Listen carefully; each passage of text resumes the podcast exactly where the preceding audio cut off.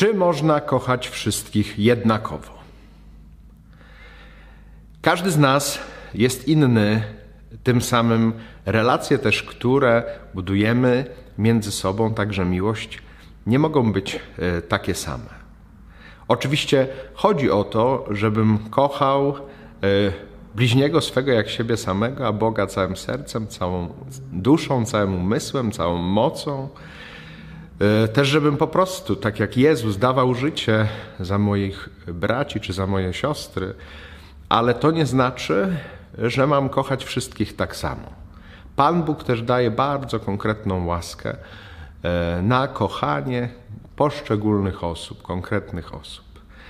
E, nie zarzucajmy więc sobie, że wszystkich musimy tak samo kochać, bo to jest niemożliwe.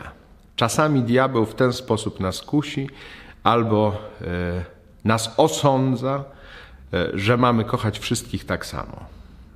To jest niemądre, to jest nie po Bożemu, nie według Bożego zamysłu.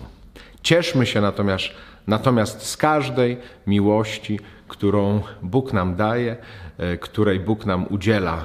To zawsze jest łaska.